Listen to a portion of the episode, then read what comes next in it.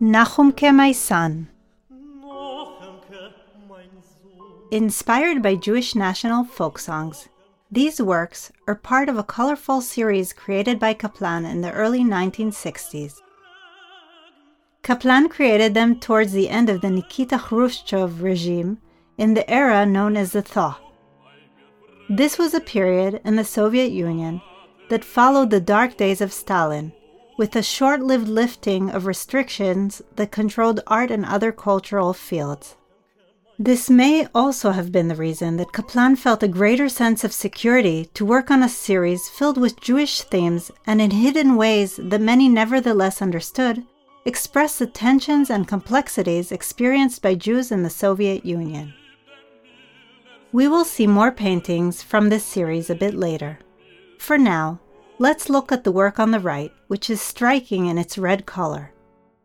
It illustrates a folk song that tells the story of young Nachumke, who announces to his father that he has found love, yet confesses that his beloved has no dowry. Whether this was a reason or some other, his father refuses to give his blessing to the young couple. On the right side, we see the father and his wife dressed in traditional Jewish clothing. On the left, Nachumke and his bride in modern clothing.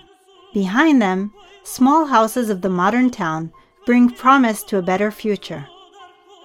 In the upper part of the painting, a clubhouse for young communist pioneers, and a public library that brings knowledge to the masses. In between, wearing red kerchiefs of the Communist Young League, are the young pioneers. They are the future. Or are they? The way Kaplan creates the scene points to his refusal of taking a clear stand in this complicated situation. On the one hand, we empathize with the father's concern about the future of Jewish custom and tradition, represented by the Jewish town behind him.